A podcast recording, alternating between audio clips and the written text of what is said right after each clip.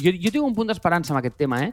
Però és una cosa que igual em corregeixes, eh? Perquè no tinc molt clar en el meu cap com, com, com funciona això. Mira, quan jo penso en intel·ligència artificial, el que fa és que ho converteix tot en un math problem. En un problema matemàtic, vaja. O sigui, és, és molt bona fent això. Al contrari que un criu, és més fàcil ensenyar-li matemàtiques que caminar, no? Eh, I és que és real, no? Eh, vull dir, el, un criu entén caminar quan té dos anys, però les mates no les entén ni quan en té 80, no? Eh, llavors, a què em refereixo? Quan jo penso en coses com AlphaGo, per exemple, dic, vale, aquí entenc per què aquesta intel·ligència artificial millora. Perquè té una mètrica sobre la qual optimitza i diu, vale, això es fa millor i aquestes jugades són noves i són més bones perquè la mètrica sobre la qual optimitzo és aquesta i és medible. Però amb el tema de les imatges, com li dons la mètrica de la originalitat o de la creativitat? No pots. Que, no pots. Però és un humà qui ho fa. És un humà, en última instància. Ah, Llavors, exacte. Aquí Exacte. està la meva esperança. És a dir, jo veig que això, amb certs verticals, fa coses molt xules, però necessites un paio que li digui ei, ei, això és bo i això és dolent. Perquè no té una mètrica sòlida, mm, que es pugui mm, quantificar d'una manera molt clara, que sigui un número, un 63 és més que un 32, saps? Eh, no, aquí és Tio, in... creativitat, originalitat. Com, com, com, com m'adeixes això? Però se m'acut una manera. O sigui, l'exemple que m'ha vingut una mica del vol, val? si tu ara intentes crear partits de futbol amb intel·ligència artificial eh, i la mètrica és guanyar, perquè al final tu vols que el teu equip guanyi títols, per guanyar títols has de guanyar partits, no? Si la mètrica és guanyar, es dedicarà a fer les jugades millors per ficar gols però no, necess no, necessari joder, no necessàriament seran uh, les jugades més vistoses o més boniques. No? Tu pots guanyar com el Madrid de Mourinho, val? o com, el, com amb, amb tàctiques a Marrategui de jugada defensiva i, ficar, i guanyar 1-0 amb un gol de Sergio Ramos al minut 93 amb dubtosa posició de fora de joc i ja està, o pots jugar com el Barça de Guardiola i guanyar l'Atlético 6 a 1, el Madrid 2 a 6, no sé què, i jugar d'una manera molt més vistosa.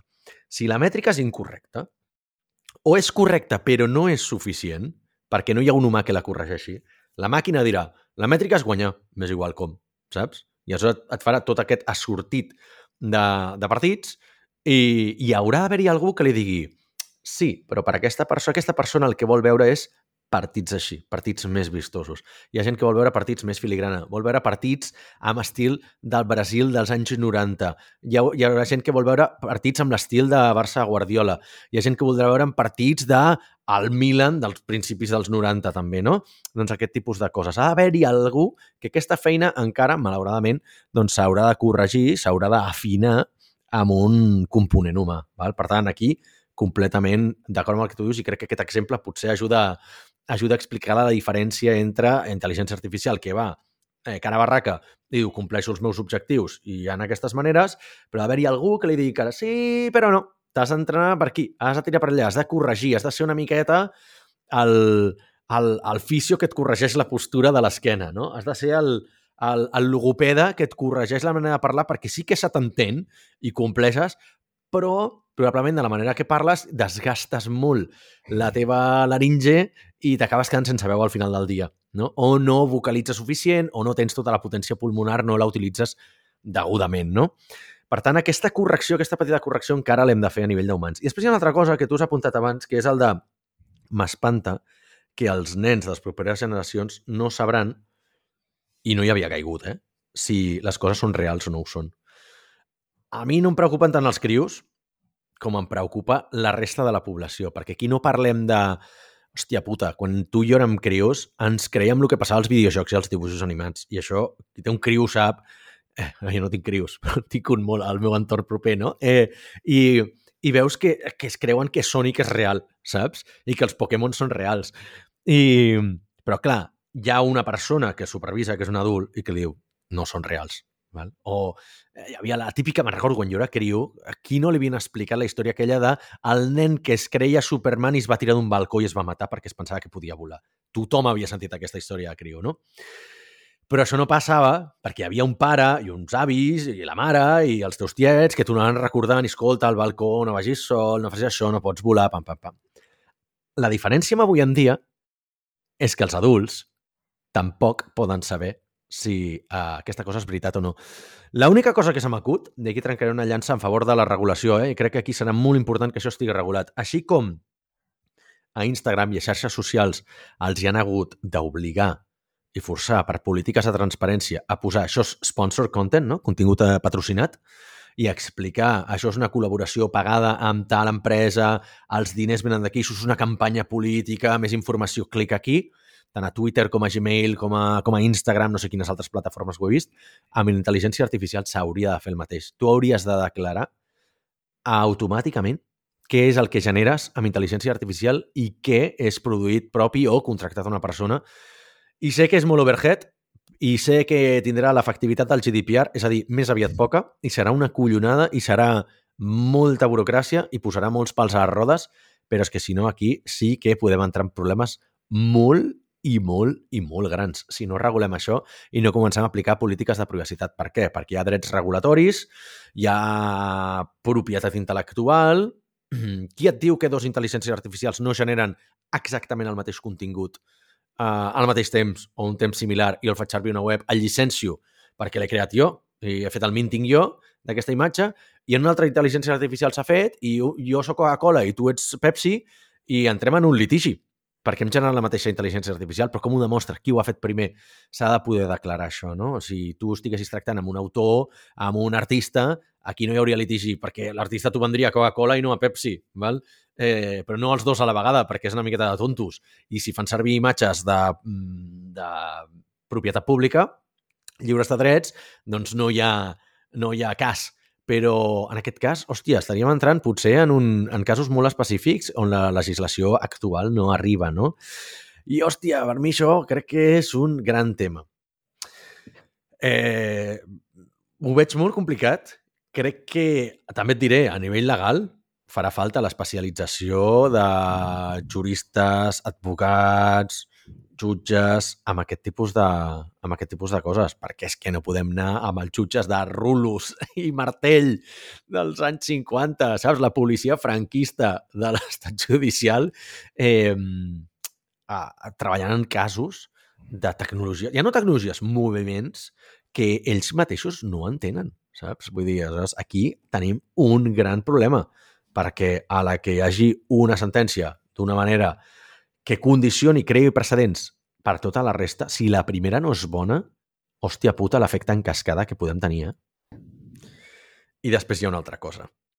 Relacionat amb el tema d'intel·ligència artificial, hi ha el que jo, si fos artista, em preocuparia i molt. Val? Els artistes es van preocupar molt, sobretot en el món de la música, que per A o per B és el que més em toca, perquè quan va arribar Napster van dir, hòstia, que se'ns acaba el negoci. I tu dius, no, estaven molt equivocats, els artistes no se'ls acabava el negoci. El que se'ls acabava el negoci era les discogràfiques. Les discogràfiques van fer una pressió eh, completament caciquista contra els artistes per dir, ei, que se us acaba el negoci. Els artistes no cobren dels CDs, els artistes cobren dels, dels concerts i del merchandising. Dels CDs no veuen ni un duro, Marc. A menys que siguis Elton John o Metallica, no veus ni un duro. Has de ser top, o sigui, tier 1 per veure pasta dels CDs, val? Però per això fan els... Tothom fa gires i, i activitats promocionals, i sponsorships i, i merchandising, val? On vull arribar amb això? Allà van ser les discogràfiques que es van veure amenaçades pel tema de l'streaming, Napster i tot això. Te'n recordaràs del cas famós, no? Metallica contra Napster. Em sembla Motley Crue també van estar eh, involucrats i no siguin altre grup. Però el que estava amenaçat allà era l'intermediari, perquè el que se li acabava el xiringuito era la discogràfica. L'artista seguiria existint igual, encara que hagués streaming. Vendrien menys CDs? És que els era igual, els artistes no veuen pasta per CDs. Però alguns, o Metallica, en aquest cas que sí que els hi afectava, van dir, hòstia puta, i no van saber reaccionar a temps.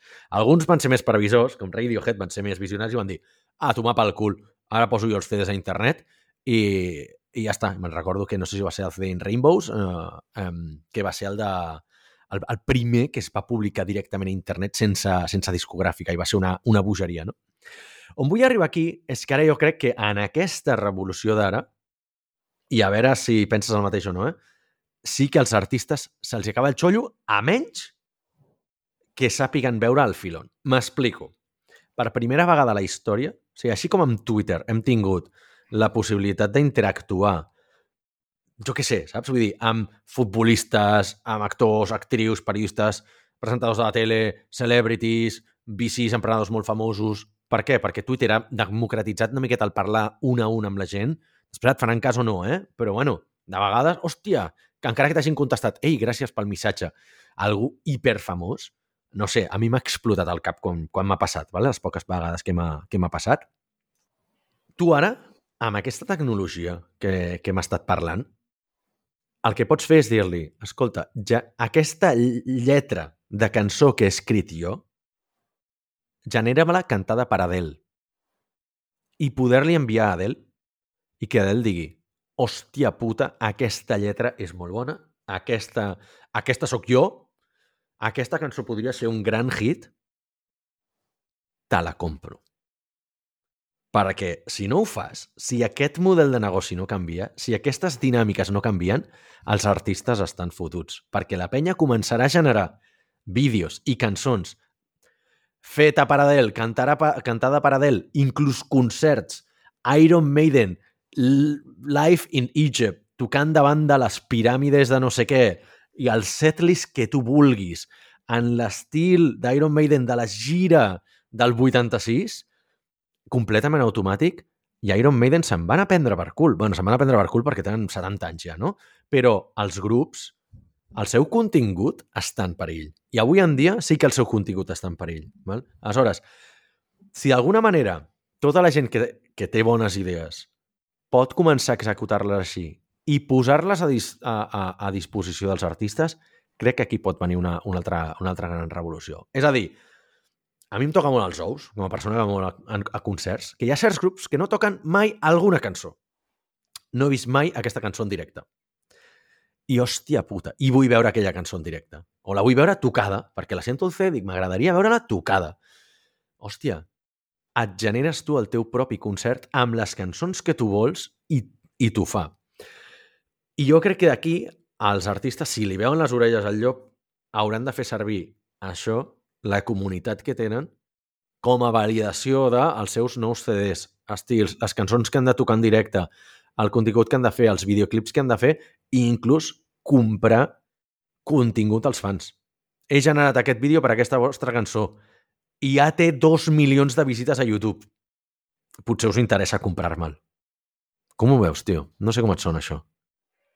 Mira, em sona que has tocat com un munt de tendències que passaran inevitablement. És a dir, encara que hi hagi molta resistència, digue-li taxistes amb l'Uber, eh, són coses que venen per quedar-se i, i, i, i bueno, ser reactiu pot estar bé i, bueno, si, si et ve de gust fer-ho és interessant i, bueno, és una postura, però d'altra banda també és cert això, no? Vull dir que ja no anem a menys.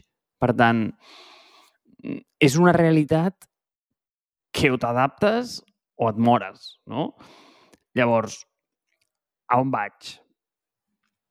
El fet de que les noves feines i les noves oportunitats apareixeran com a la intersecció de la col·laboració dels humans amb la intel·ligència artificial és una realitat. Llavors, qui sàpiga explotar molt bé aquests nichos, jo penso que és qui s'endurà, eh, no sé si en català es diu el gat a l'aigua, però, mm, però, però qui d'alguna manera podrà triomfar com en aquesta nova societat, de la mateixa manera que tu has explicat eh, com, com, va, com va passar en el, en el, en el cas de Napster, no? Llavors, Exacte. A on, a on vull anar amb això? amb això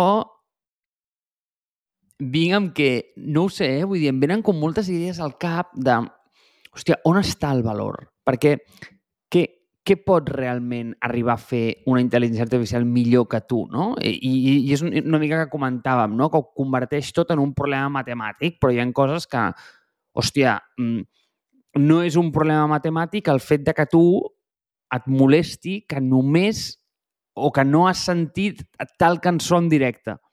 Tio, això és un problema humà, no? És una merda irracional que li passa a l'Àlex i a Correcte. mi, pues, mm, tio, pues no, pues no, eh, no ho sé, vull dir, no, no hi ha una mètrica que m'adeixi eh, la ràbia que li fa a una persona no haver escoltat tal peça en directe, perquè mm, en aquí, el que dèiem abans, no? 87 eh, igual no és més que, mm, que 42. Eh, igual no, no, és com sumar botelles amb, amb sofàs. Vull dir, no, no dona res, saps? Tio, Àlex, és el primer que tenia davant i el primer que s'ha ocorregut.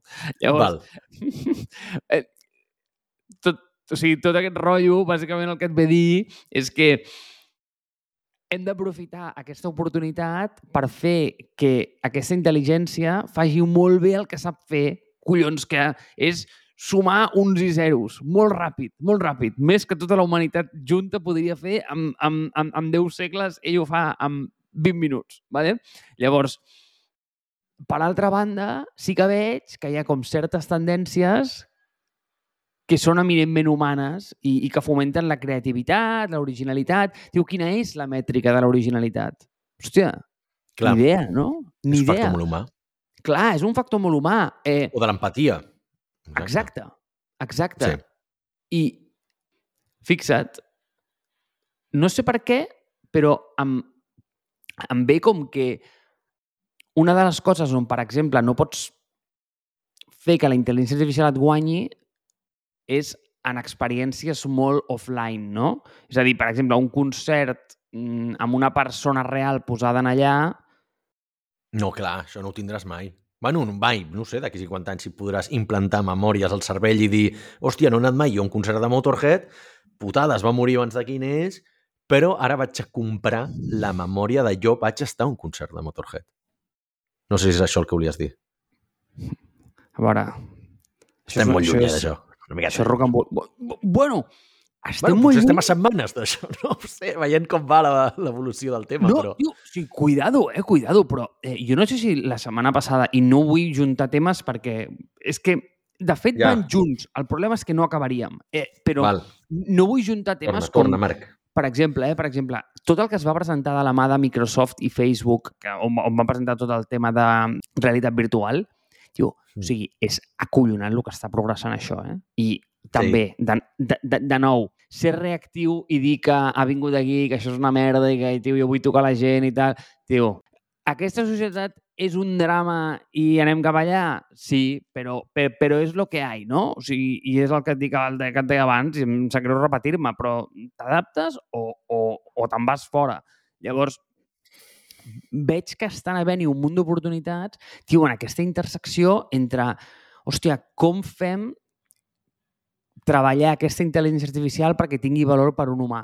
Aquesta intersecció a mi em sembla interessantíssima. O sigui, crec que hi ha coses molt xules que es poden fer. El problema i és que tu em dius, hòstia, els artistes la tenen molt complicada. I jo et diria, no, no, no, no, no, no. Els artistes no. Vull dir, no només ells. La tenen complicada totes les coses que són fàcilment computables i es poden convertir en un problema matemàtic. És a dir, mira, dos feines que són anàlogues i que són de la mateixa naturalesa, una pot tardar mm, 20 anys en automatitzar-se per intel·ligència artificial perquè és difícilment computable com un problema matemàtic, altres es poden fer avui mateix. Exemple tonto. Conductor. Tio, automatitzar un camioner és facilíssim Moure't de punta a punta per una autopista és un problema matemàtic facilíssim. Ficar-te al mig de Jakarta amb una moto i portar un paquet. Sí, tio, sí, sí, riu, riu, però un, és veritat. Un Nàpols, o sigui, un Nàpols, que ens exacte, a prop. I portar un paquet mm, durant un quilòmetre, tio, és, sí. o sigui, eh, és ciència-ficció per intel·ligència artificial, no? Vull dir, és un problema sí. que no pots solventar. Eh, perquè hi ha tant llegat humà allà dins i, i hi, ha, hi ha tanta eh, entropia humana que ens hem creat durant tot aquest temps i que només nosaltres entenem allà dins, que eh, tio, la intel·ligència artificial ho té molt complicat per entendre, no? Llavors, aquest és un problema que, bueno, segons quin, igual li funciona més que un altre, no? Però eh, a què em refereixo? Que a dia d'avui hi ha el, el concepte que tu has dit, hòstia, els que els artistes la tenen complicada, hòstia, és que, és que ja passa, però és que inclús me'n vaig a l'offline, eh? me'n vaig al món mm, de, cap a fora. Mira, aquest cap de setmana estava fent una cosa que és molt xula, Àlex, i, i t'ho recomano. Eh, era un regal per als meus pares. Aquí dono idees per regals, que, que és gratis. Eh, bueno, dir, gratis la idea, eh, el concepte no. I és que a mi m'agraden molt les pomes, tio. I eh, les, a Girona es fan pomes molt bones, però si no ho sabies. I hi ha una, hi hi ha una plantació bueno, eh, que ara hi han posat un restaurant que es diu Moma, que et fan com una visita molt xula a com eh, fan el conreu, com, com les cullen, com, com, com maduren les pomes, eh, quin és tot el seu procés de, de, de creixement, etc, etc, etc, no? Divertidíssim. I, Bueno, és brutal, a mi em va flipar, ¿vale? Eh, bueno, una de les coses que el tio explicava era com cada vegada es requeria menys gent Clar. per recollir això perquè hi havia un munt de màquines que automatitzaven aquest procés i que ja ho feien elles, ¿vale? Llavors el tio va donar com la nota positiva, no? I diu, no, no, no, clar, però ara ja hi ha algú com super especialitzat amb el software d'aquella màquina i que és el tio que arregla aquella màquina, que és una feina nova que, que, que, que ha sortit d'aquí. Això ho deia el tio que feia la visita. I jo, com que sóc un torracollons, li vaig dir. Però mm, això va ser una mica dolent, eh? Però, perquè ja sabia la resposta, però era A igual. veure. Era, e, era, era més que res perquè la gent que hi havia fent la visita ta- ta- també tingués aquesta consciència, ¿vale? És que, tio, tinc aquesta, tinc aquesta punteta docent que mai me la puc treure de sobre, ¿vale? Llavors, A veure, a bàsicament, li veure. vaig preguntar al tio, li vaig preguntar al tio. Li vaig dir, sí, sí, sí, però més o menys, dona'm un número de quanta gent creus que una màquina d'aquestes ha pogut deixar fora carrer. En, al carrer en un camp de, no Sí. ho sé, de 20 hectàrees. I el tio pues, em dona un número que estava en les desenes. I, li- i li dic... Per aquella empresa, sí. Clar, clar, Però, perquè... Pensar, pensar en totes les empreses similars que Clar. una persona Clar, entrenada que faci el software aquell, no sé què, igual deixa fora a milers de persones en Clar, un país. No, no, no. Al contrari, Àlex. O sigui, no, no, no m'he explicat bé. És a dir, la gent que en aquell camp en concret va deixar fora van, va, estava en la magnitud de les desenes, no? I llavors eh, jo vaig ser molt puta i li vaig dir i quants tios tens programant la màquina? I em diu, Ah, vale, diu sí. clar, i em diu, no, Sí. diu, Aquí és on És volia un- arribar. és un freelance que ve els dijous per la tarda si hi ha un problema. Clar, llavors, jo m'he anat, xato, mm, has generat eh, un empleo part-time a, la teva, a la teva fàbrica d'un tio que està cobrant 100.000 pavos. I te n'has treure- 17. Exacte, t'has patat mm, 50 temporers que estaven cobrant mm, 500 euros al mes, amb negre. Però llavors... Exacte. És una de les fal·làcies del, del tema aquest de la, de la, la robotització i la modernització ap- aportarà eh, feines de més alt nivell. És, tècnicament sí, sobre el paper sí, però la gent que està a les capes més baixes del, del món laboral, tu o molta gent, la majoria de les empreses, no els entrenaran, els, els fotran eh, la patada al cul i ja està, no? I després, que tots ho sabem, la, la, la, se'n diu piràmide laboral per alguna cosa. No pots agafar aquestes 17 persones que has agafat i ah, doncs entrenaré les 17 perquè ara passin a supervisar els robots de la recollida de fruita, perquè amb una persona probablement en tens prou. Per tant, mai totes les persones de sota passaran immediatament a l'esglaó superior. Val? És, una, és una de les fal·làcies. El que sí que té, un, té una, una, una, una derivada que no sol tenir en compte és tots els mercats nous que es creen. No? El que dèiem, hòstia, clar, és que els Ubers eh, destrueixen els llocs de, de feina als taxistes. Dius, bueno, però s'han creat molts més llocs de feina en altres coses derivades que són empreses que donen servei als Ubers, a tot el mercat aquest. Segurament Uber ha fet créixer el mercat de la... ha- fet més accessible el transport privat. Abans molta menys gent agafava el taxi i ara agafa molta més gent precisament perquè han entrat a través d'Uber. No? Després els, els advocats que, que, que estan donant, bueno, que estan rebent feina d'aquest tipus de- d'empreses, els programadors d'aquestes empreses, s'ha modernitzat el, el sector, per tant, haver-hi també més tecnologia, més producte, més disseny, es creen empreses que també fitxaran personal d'administració, de recursos humans i d'altres sectors. Hi ha unes derivades de segon i de tercer ordre que no solem tenir en compte amb això i aleshores la gent polaritza el seu discurs en base a la seva afiliació política. Diuen, ah, eh, doncs no, hem de mantenir els llocs de feina de, dels llocs més baixos o, al contrari, els hem d'eliminar tots per automatitzar-ho però poques vegades he sentit el discurs aquest una miqueta més elaborat d'anar a la segona i la tercera derivada. Un parell de, un parell de punts que sí que volia comentar sobre el tema aquest de, de la creació d'oportunitats. Si jo ara mateix et digués, Marc, tu sabies que la majoria dels artistes musicals dels últims 30 anys no saben tocar ni un instrument ni saben cantar? Sabries qui són? Hòstia, em mates, tio els DJs. Wow. Hi ha gent que et dirà, eh, sí, les taules de mescla són, eh, són instruments. Jo sóc un polla vella de música i dic que no són un instrument. Va, no, relativament, ja m'entens. Però és una cosa que no es considerava instrument, com la guitarra elèctrica no es considerava un instrument, sinó un artilugi del dimoni als anys 50. Val?